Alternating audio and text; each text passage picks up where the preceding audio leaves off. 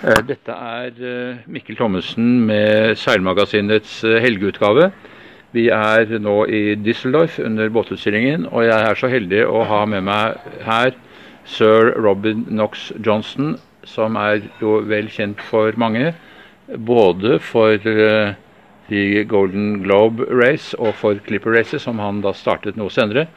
Um, Robin, it's very nice to have you here, and uh, especially uh, t- today is uh, 50 years since the Golden Globe race. What uh, what memories uh, does this race uh, bring to your attention? I think I was 50 years ago, I was just passing the Falkland Islands. So I was around Cape Horn anyway. Um, I passed Cape Horn on the 17th of January. Um, so I was out of the Southern Ocean, which was a great relief. I started to get dry for once, which was nice.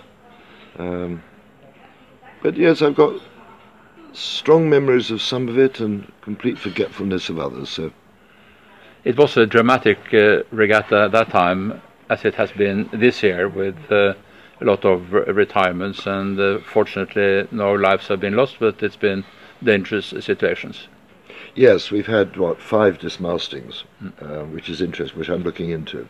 I'm interested if there's a common factor, and I think there is, which um, I'm still studying it. But um, fortunately, um, nothing more serious. The worst injury has been Abhilash Tomy, who's recovering. Um, in fact, in many ways, it's been remarkable because 17 boats started, five are still racing. That's not too bad, really, if you think about it. It just reminds people this isn't easy. I mean, if we shall look into cliches like the world's toughest yacht race, uh, this must rank pretty high. I don't think there's anything tougher. Um, if you go down into the Southern Ocean in a small boat, it's thoroughly dangerous. Um, it's totally different to doing it in a Volvo boat, for instance, with lots of people, uh, or an Open 60, which you've got the speed to get out of the way. You can't get out of the way in those small boats, so you're going to be thumped by the waves. So, frankly, I think it is the toughest race. And it's the longest uh, in duration.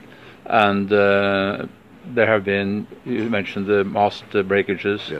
which are due to rollovers. Uh, Not that they break just by sailing; they Yeah. the boats turn over and they come up without mast. That's right. And uh, of course, uh, that has been tough.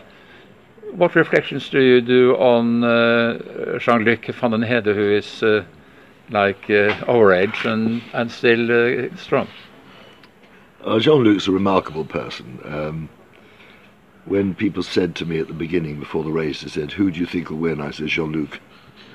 Um, he's got so much experience. He's got the right uh, mental attitude.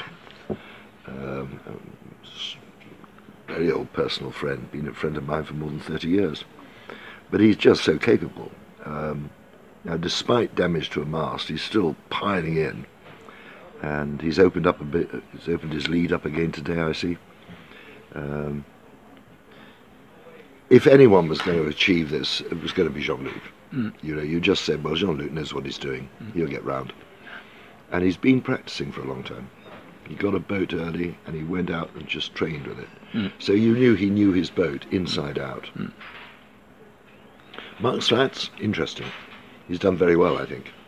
Um, and in fact, all of them around Cape Horn have done well. You know, they've done extremely well considering the situation. We'll see. Once they're around Cape Horn, really, you say, look, they should get back okay. Of But course, I mean now there is less than thousand miles left uh, Yes. for Jean-Luc, so you know he probably has it in the bag, but uh, you never know. No, Things can- well, he's been quite things- clever. things His happen. tactics, his tactics. His uh, tactics have been very good, and he's, uh, he's done what I did to Tabarly in the whip Whitbread. Yes, Well, Tabarly went through the source. I went round, yeah, right, and I got the wind. yeah, yeah, Um, that's why I beat him. yeah. Um, and Jean-Luc's done exactly the same. He's gone up to get the Westerners, Mm. and it was the right decision. It always has been. Mm. Um, yeah, so Jean-Luc's coming in now, fast, which is great. Yeah.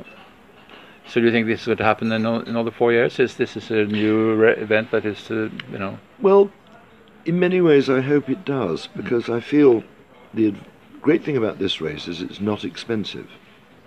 You know, if you talk about doing a Vendée, you need five million pounds minimum, Mm. probably more. Mm. Well, you've got to have a sponsor. This race, you can buy the boat for fifty thousand pounds. So it actually is within reach of most people. If they really want to do it, they can find that money. And it, it's using what I suppose most people are just standard cruising boats. And I feel we need to have these opportunities. We, it, we can't have everything so expensive that it can only be sponsored or an elite can do it. You know, sailing isn't like that. Sailing is a, a sport for everyone. And here's a race that anyone can do if they want to. But do you think that the fact that there are so few boats left in the race will scare people off? Well, I think it's more of a challenge. Hmm. I think it'll be challenge people. Hmm. Uh, if they're being scared off, then they shouldn't do it anyway. I, I mean, I know that you are not involved in the running of the race. You are a mentor, I suppose, but not actually involved in the running. Yeah. But then you are free to speak about how the event is run. Do you have any comments on that? I think it's gone very well. Uh, I think that there'll be after this race there'll need to be an analysis of some of the features. Can I maybe bring you some coffee? Or? Nothing. Uh, there'll need to um, be an analysis of um, some of the things that were, you know, just to make sure.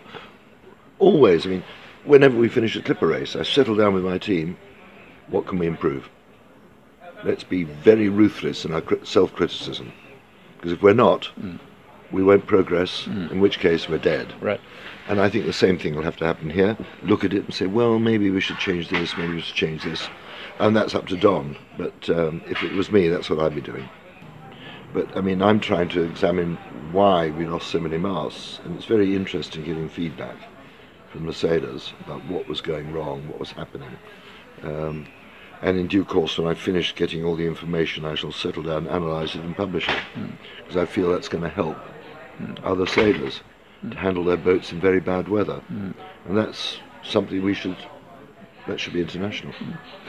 Going back to the first race, uh, which is a legendary uh, event for many reasons. Uh, you won it, of course, and uh, there were there were so many other dramas. And uh, being 50 years ago now, some of these dramas have come up to light again, especially the situation with Donald Crowhurst with the film and everything. What do you make of that? Well, I've seen the film. It's actually remarkably accurate, um, I think. I mean, of course, the problem with that event was there was no requirement to prove you could sail. Anyone could just enter.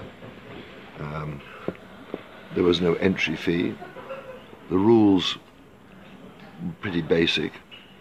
Francis Chichester, when he was asked to be chairman, discovered the rules already been made, so it's hard for him to change them. And he did have some experience. Um, so it was a sort of odd event in many ways. Um, but at the end of the day, it was simple. You had to go around the world without assistance. And you had to leave And you could, Antarctica to the south. and you could also start whenever you wanted to, within the limit. Well, within limits, yes, but that was because the Sunday Times wanted us all to start on the 21st, 31st of October. If you've got a small boat like me, that's no good. I'm going to be around Cape Horn in eight, March, April? No way. Autumn? Hmm. No, thank you. Hmm. I wanted to round it in midsummer. So I said, well, you know, bye, I'm going in June. Hmm. And uh, that's why they changed the rules. They had to, because they said, well, I'm going. And uh, they said, oh, well, uh, we want you in our event. Can't you wait? I said, no. Don't you understand? I'm not going round in March, April. So they had to change the rules. So that meant it wasn't just a question of first to finish, but it was the question of who had the fastest elapsed time. That's when they changed it to make two prizes. The first to finish and the fastest. Yes, that's right. But in fact, you were the only one who finished because uh, Bernard Moitessier he decided to keep on going. Yeah. He might have been beaten, though, by, um, uh, what's his name? Tetley. Tetley was going quite fast. Yes, but he broke his mast towards the end. No, he broke his boat he broke his boat. because Crowhurst was giving false positions Right. and he pushed too hard. Right, right. But he was doing a fast run Right, and he could have beaten Moitessier. right. Um, Moitessier wouldn't have caught me. I was too far ahead. I was 19 days ahead of him at Cape Horn. It was too much. And, and Moitessier agreed with me. He said, I would never have caught you. But you donated your prize to Crow's Well, we widow. didn't we didn't know much at the time, you know. Um, we knew that his logbook was false. We didn't know very much more, and but that time, Tetley was still racing. So, it was a different situation. You know, people tend now to look back and say, "But this, this, this." that." No, no, no. That isn't the situation at that time. You've forgotten the, the way it worked. Mm. Tetley was still racing when he was. But the fact was still that you donated your prize to. yeah, but you know, Yeah, they were going to lose their house, so, they were going to lose their house. Mm. Right. so it was a bit bad for young children. But you started about the same time as uh, Chay Blyth, and uh, no, after Che Blood. after Chay Blyth, Yeah. he had British Steel and subsequently British Correct. Ra- British Telecom Well, we as his uh, main sponsor. Correct. Well, we didn't intend to do that. We intended to join a race organised by Jimmy Cornell. and we built the boats to be part of Jimmy Cornell's race. And Jimmy Cornell became quite impossible. I mean, he threatened to sue me because I hadn't entered. I said, Jimmy, we're still discussing it. You know, I'm going to sue you. And he tells the press he's going to sue me. And, you know, oh, for God's sake, I can't work with him. So we decided, okay, we'll have to have our own race. So that's how we started our own race. It wasn't our intention. But your financial base was the crew that paid the, the cost, and later on you had the host cities that came in Correct. and, and sponsored each each boat. Whereas Chay had uh, a big sponsor, and when they dropped out, uh, you know, he was It was in sort of high and dry. Our, our business model was totally different. Mm. Uh, in many ways, it's much more stable. Mm. Uh, as we could afford it, we could work without sponsorship. And you have also a more frequent uh, schedule, so now you are basically racing all the time. You know, every well, every two years. I mean, if you think if you've got all these assets, you don't use them, they're sitting there costing you money. You've got to use them. Mm. So we went every two years. Chay was going every four years. So he's got three years in between when he's not making, not earning money. But uh, but you are doing the round the world race all the time. You haven't considered doing round the world race in one sequence and then doing the Northern Europe or some other uh, transatlantic or you know uh, We in look- the interim periods. We looked at doing transatlantic, but you know there wasn't that much interest. Um, we did do trips up to Greenland, um, done that. That wasn't too bad. Um, it's special. It's a one-off, and I like doing it. But uh, you know, if you can't get the boats to the airfield, you've got to hire helicopters in Greenland. Mm. There's your profit. It's just gone. Um, but Clipper Venture is still, uh, our Clipper Race is still uh, very strong. Do you have a waiting list for people to get on? Some of the legs now we Mm. do already for the next race. We've got waiting lists. Yes. Do you sell individual legs or do you? Yes. You don't have to be on every Yep, leg, you can do the whole thing, or you can do legs. You can do one, two, three, four, five, six legs if you want. right? Um, but three of the legs are now full. We're down to waiting lists. The others have not got many spaces left. We're filling up rapidly now. You had some bad accidents uh, in the last race. I think Mm. you lost a life, and then Well, yeah. the, the boat went. Yeah. One boat went aground. Mm. Are you? Did you learn anything from that? Can you do something to improve? What I learned was that if you have an idiot skipper, Mm. you'll put your boat on a beach, Right. and it was idiocy. Yeah. The loss of the life was a total tragedy. It was a very, well, it was a unique failure of a safety harness. He was clipped on, he got caught on the cleat, and it was where the, the lock comes across. It caught there, which is the weak point, and it broke. And that hasn't happened before, because I was talking to Stan Honey of um, World Sailing Ocean Safety, and we were discussing it, and um, well, we've told the industry you've got to make a better hook. That you know, your standard hook is got a weakness there, which we didn't know about before. Mm. So it was tragic, absolutely tragic. Um, Nice guy too. Um, so we've lost two boats in the course of our thing, both down to idiocy. Mm. You know, poor seamanship, poor navigation, Mm. both of them. Does that mean that uh, because you cannot know everything about every skipper, does that mean that you might might have uh, two professionals on on boats from now on, or No, we're putting a second professional on board. Yes, Mm. um, it'll be first time we've done it throughout the race is this one, so we'll see how it works. We used to train people up to do that job, hmm. but the government decided, having agreed that previously as the system, they changed their minds at very short notice. We had five days to find other people for the boats, which wasn't very long, and I'm very angry about it. You hmm. know, you don't do that to a company. But that's governments for you, hmm. civil servants. Don't have much time for them. Um, we managed to do it, but it was hard work. Some of your skippers have, your clipper race have been sort of a, a springboard to greater careers. Yeah, Mention some of them. Alex Thomson for a start. Right. Um, look what he's done since. Um, various others would like to do it. Um, we've had some really good skippers. I mean, the German we had in the last race, Chris Corbush, excellent skipper. I'd employ him again any time. Uh, previous race, Patrick from the Netherlands, great skipper. Um, you know, but we've had over 90 skippers, But Alex was extremely young when he got that job. 24. Yeah. So the youngest skipper. No, the girl was in the last race, who came second. Right. She was brilliant. Nikki, she was just fabulous. Great skipper. Wendy won it. Nikki second. So I had girl skippers first and second in the last race.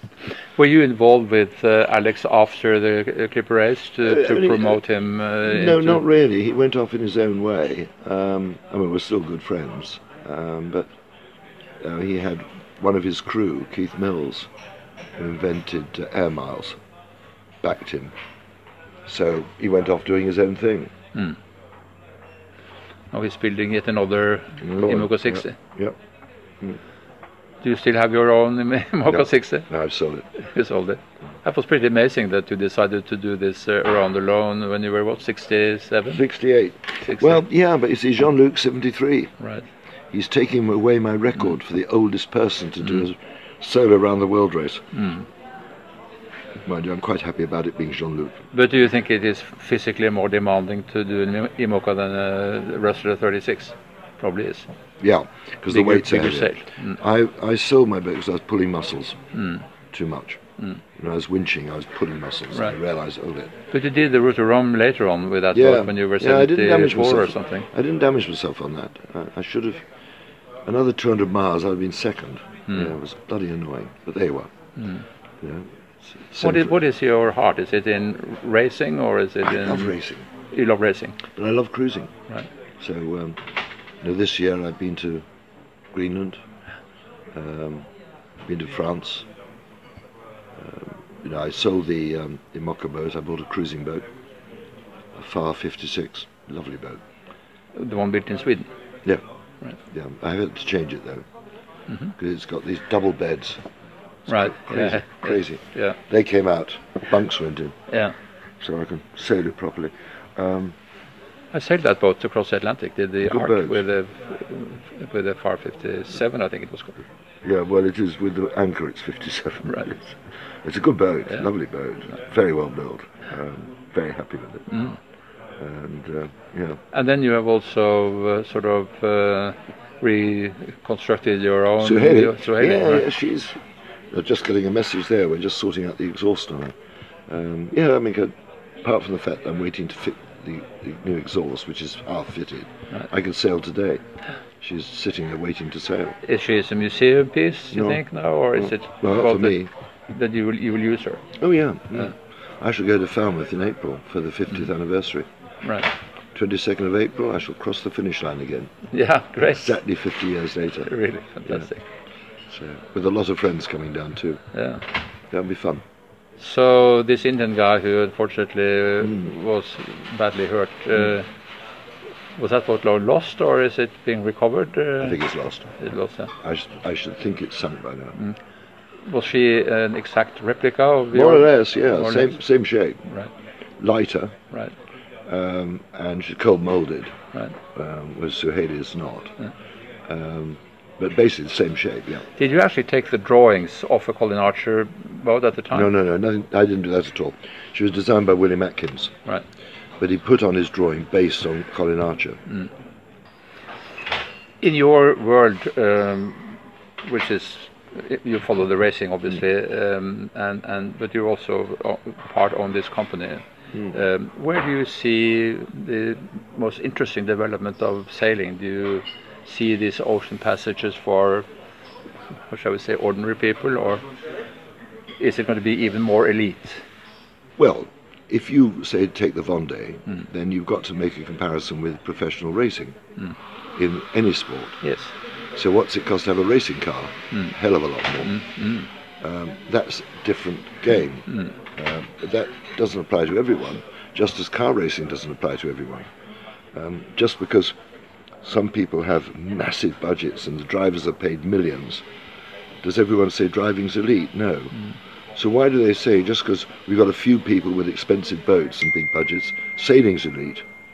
No, I wouldn't say that sailing as such is, a, is an elite. I wouldn't say that the guy who bought, buys a Swan 65 uh, for uh, 20 uh, million, uh, or not that much, but, but say 5 million euro is uh, elite as a sailor. I mean, he, you know, he's a rich uh, person. But when I talk about elitism in sailing, I mean that the level of sailing is very professional at high level, and it takes a lot of efforts financially and, and Yes, it does. time uh, to to make it. And that is one direction of sailing, which you may or may not like. Whereas the the broader sense, you you do the clipper race or you sail in in uh, local uh, areas in small boats. I think it's numbers. If you take France, where you get a lot of publicity in the media for sailing, they've got a lot of very good sailors, and they can get sponsors because there's good publicity. I don't think anyone treats them as gods. Uh, they respect them, but you know because they get the publicity, they can get the sponsorship. In Britain, we've got some good sailors, but they can't get the sponsorship. So they're never going to be able to compete on an equal level with the French because they can't get the same. If they do, when they get the same boats like Alex, they can do it. But we get we have a huge problem getting sponsorship. So it's a different game. Uh, it's a just a different game. Um, but in France, it's treated. Oh, it's a great sport. In Britain, they treat it. Oh, it's elite. Well, it isn't elite um, at all, but that's the BBC perception. But not in France. They don't see it that way at all. See it as a great sport. So we suffer in Britain from that. But again, looking into your uh, world of sailing, which is now uh, perhaps mostly the with the clipper race, uh, where do you see that going? Are you having any directions uh, Well, it's other the, than what you have at the moment? the formula works. Right. Um, you know, we're filling the boats up. Right. Um, interestingly, it's become the first time in the last race there were more non-British than British, and that's a trend we're encouraging because we think expansion will come from the world, um, not from Britain. I don't see any reason to change the basic formula if it's working, but at the same time, you've got to keep looking at it and seeing what needs to where where do you change things to, improve it? You know a, a is good but you've got to keep examining that formula. Is this right? Is this right? Is this right? What should we do to improve it? With us it's tending to be things like the families bringing in more support for them so they follow the race. That's been very successful. Um, but the basic formula of the race is is is right. But that doesn't mean we won't find a clever idea tomorrow and say we better do that. But you are now into your third generation of clipper boats. Yeah. Um, do you see a new generation coming up? Uh, Not yet, but there will be. There will be. Hmm. How many new round the world uh, Don't know yet. trips? These boats, these boats are about to do their fourth. They could probably do at least two more. They're strong, um, and we're doing a pretty big refit at the moment. I mean, serious refit.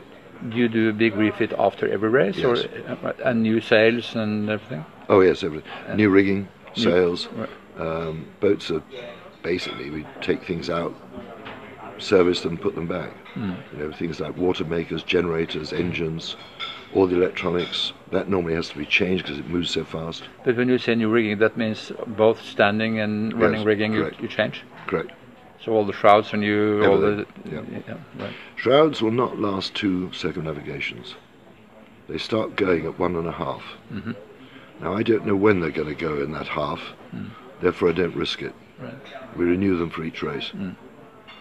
It's the only safe thing to do. So the boat that you have now is designed by Tony Castro, Correct.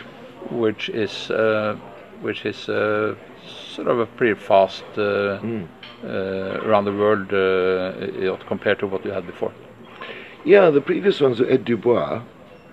They're good boats, Mm. they're very seaman-like. But you have to look at what's going on in the world. I mean, when we built the previous ones, that was not dissimilar to the Volvo boats.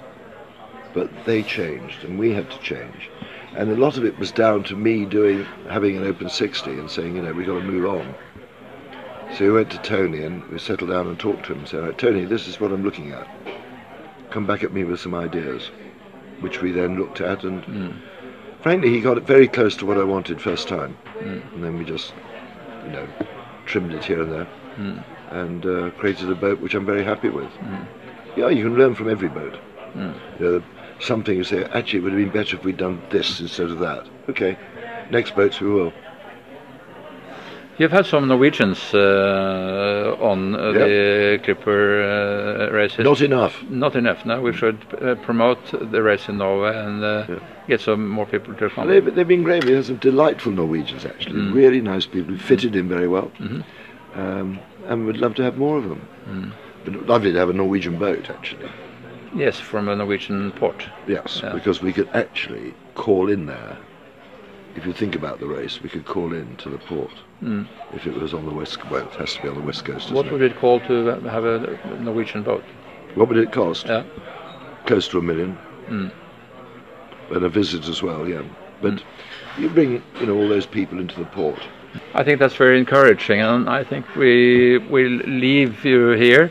Uh, you have the things to do, and it's been very interesting to talk to you. We could uh, carry on forever, as far as I can see. There are so many things to talk about with you, so that's very uh, interesting. But uh, knowing that there is an opportunity for Norwegian sailors and Norwegian ports. Uh, um, that is very encouraging, and uh, we'll, we'll leave it at that. So, thank you very much for your time. My pleasure.